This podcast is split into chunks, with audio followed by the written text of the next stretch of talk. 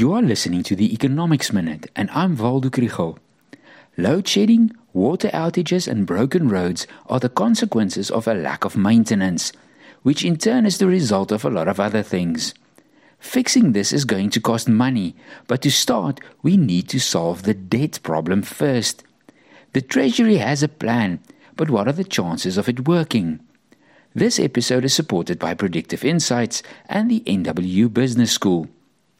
According to estimates, municipalities owe 57 billion rand to Eskom and another 16.7 billion to water boards. Financial mismanagement has two thirds of municipalities in financial trouble. Ineffective management means that bills are not sent out, debts are not collected, rates do not cover the cost of services, assets that generate income are not maintained, and the salary bill is too large. For electricity and water, the Treasury's turnaround plan is to introduce strict new measures. Municipalities that adhere to this can get relief from their Eskom debt burden. The measures include steps like better control and debt collection, and the installation of prepaid meters.